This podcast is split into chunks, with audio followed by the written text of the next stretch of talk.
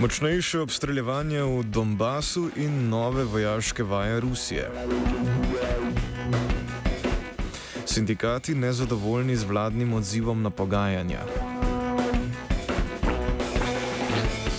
Ministrstvo za infrastrukturo z novim načrtom 3A razvojne osi. V kulturnih novicah mreženje umetnikov v stari elektrarni.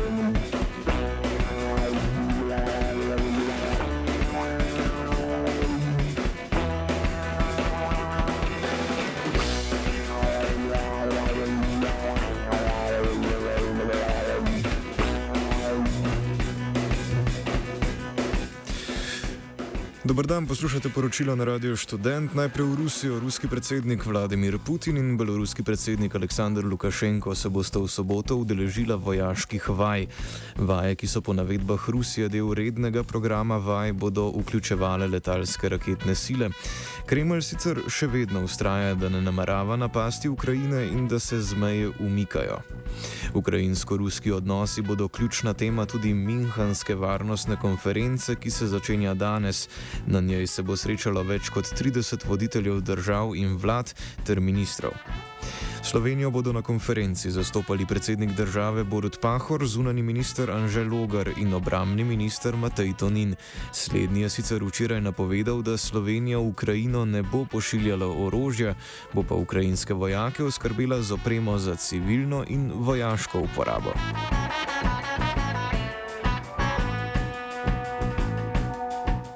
Če je na delu rusko-ukrajinske meje, kamor so uprte oči večjega dela sveta vse mirno, pa je do streljanja prišlo v regiji Donbass, kjer še vedno poteka konflikt med proruskimi separatisti v samooklicanih republikah Donetsk in Lugansk ter ukrajinsko vlado.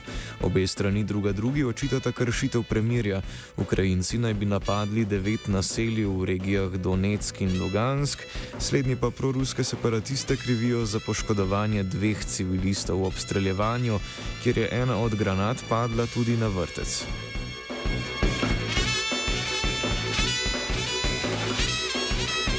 Zdaj pa v Indijo. Indijsko sodišče je 38 ljudi obsodilo na smrtno kazen, 11 pa na dosmrtno zaporno kazen zaradi serije bombnih napadov v mestu Abdedabad, v katerih je leta 2008 umrlo več kot 50 ljudi. Za napade je odgovornost prevzela indijska islamska teroristična organizacija Indijski mujahedini. Eksplozije naj bi bile odgovor na hindujsko nasilje nad muslimani v izgredih v Gujaratu leta 2002, kjer je skupno umrlo več kot tisoč ljudi, velika večina jih je bilo muslimanov. Obsojeni so sicer v priporu že 13 let, njihovi odvetniki pa napovedujejo pritožbo. Črnogorski toživski svet je razrešil glavnega posebnega toživca Milivoja Katniča. Njegov odstop so vlade trenutne, zdaj že razpadle, vladne koalicije zahtevale še pred prevzemom oblasti. Katnič je uradno razrešen zaradi izpolnjevanja pogojev za upokojitev, skupaj z njim pa je bilo razrešeno še devet njegovih sodelavcev. Trenutno še vladajoča politika ga obtožuje, da ni preganjal organiziranega kriminala povezanega z nekdanjo vladajočo stranko DPS. Politične razmere v Črni Gori še naprej zaznamujejo poskusi podpredsednika Dritana Abazoviča, da bi sestavil novo manjšinsko vlado. Pred dvema tednoma je parlament izglasoval nezaupnico premijeju Zdravku Krivokapiču, a se stranke, ki so zrušile vlado, niso upale uskladiti o novi. Podporniki Krivopapiča so v sredo zvečer v Podgorici organizirali shod v podporo sedanji vladi.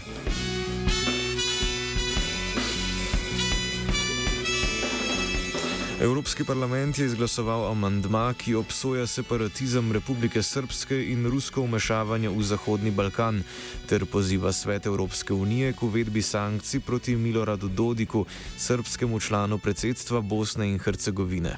Amandma je sicer del letnega poročila o skupni zunanji in varnostni politiki, ki vključuje tudi podporo širitvi EU na Zahodni Balkan in poziv k njeni pospešitvi. Amandma so poslanci sprejeli s 504 glasovi za in 93 proti.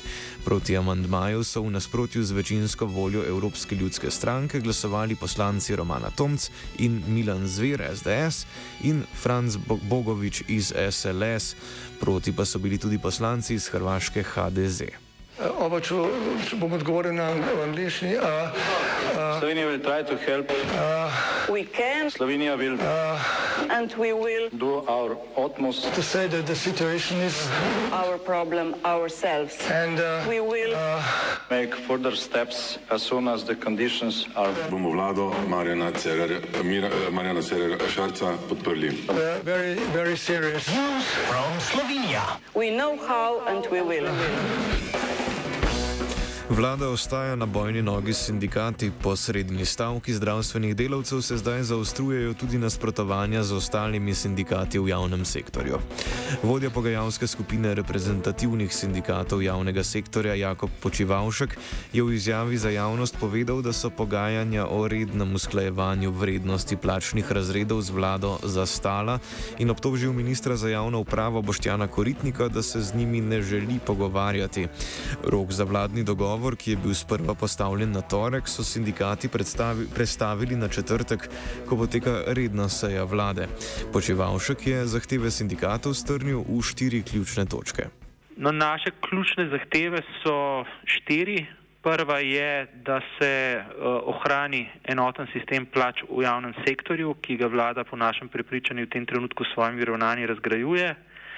Ehm, da se takoj sklene dogovor o rednem usklajevanju vrednosti plačnih razredov, ki bi uh, zaustavil uh, padanje realne vrednosti plačnih razredov, da se odpravi uravnilovka uh, v spodnjem, spodnji tretjini plačne lestvice in pa da se ponovno vzpostavijo razmerja pri vrednotenju delovnih mest, ki so bila porušena zaradi bodi si enostranskih, bodi si zaradi enostranskih potez vlade, bodi si zaradi pač uh, parcialnih dogovorov po različnih delih javnega sektorja.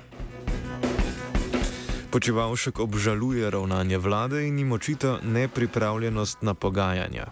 Dodal bi mogoče samo to, no, da ravnanje vlade, kakršno je v tem trenutku, um, pač kaže nažalost na to, da se vlada pač ni pripravljena držati tistega, kar uh, je sklenila, če, k čemu se je zavzala in da pravzaprav z neko taktiko zavlačevanja in prelaganja odgovornosti tudi na naslednjo vlado pač s temi pogajanji zavlačuje in nima pravzaprav ne kaže nobenega interesa, da bi dosegla kakršen koli dogovor z zaposlenimi v javnem sektorju, kljub temu, da vidimo, da uh, imamo inflacijo ki tudi seveda pomembno vpliva na uh, padec realne vrednosti plačnih razredov in pa imamo tudi seveda rast minimalne plače, ki še povečuje problematiko uravnilovke in se v bistvu z odlaganjem rešitve problema zgolj povečuje.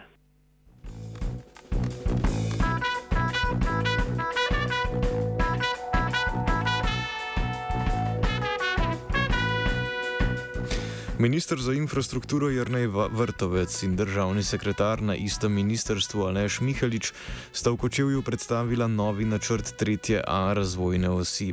Načrt, ki v večji meri zarisuje novo traso, predvideva cestno povezavo od Ljubljane do Petrine pri mejnem prehodu Brod na Kolpi. Nekatere dele bi predstavljala popolnoma nova cesta, drugi pa bi vključevali obnovljene in razširjene že obstoječe ceste.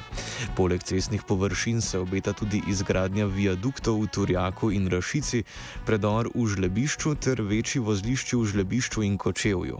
Načrtovana vrednost projekta se giblje okoli 200 milijonov evrov, s prvo fazo gradnje pa bi začeli že letos. Prva faza naj bi po besedah Mihaliča vključevala rekonstrukcijo in izgradnjo tretjega pasu med Pijavo Gorico in Turjakom. Predlog sicer še ni dokončen in župani imajo tako še vedno možnost predlaganja sprememb in izboljšav.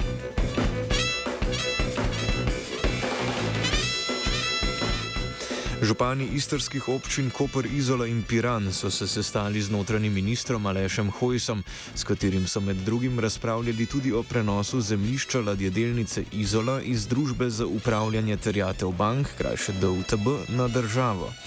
To območje je bilo sicer tudi del občinskega prostorskega načrta, ki pa je na referendumu padel. Prejšnji teden je DUTB ustavil prodajni postopek za parcelo ladjedelnice. Na območju nekdanje ladjedelnice bi uredili prostore za potrebe vojske, policije, uprav za pomorstvo in za zaščito ter reševanje, agencije za okolje in inšpektorata, so takrat sporočili iz DUTB. Župani želijo, da površijo namenijo turizmu in ne vojaški dejavnosti, menijo pa, da je prenos lastništva na državo dober.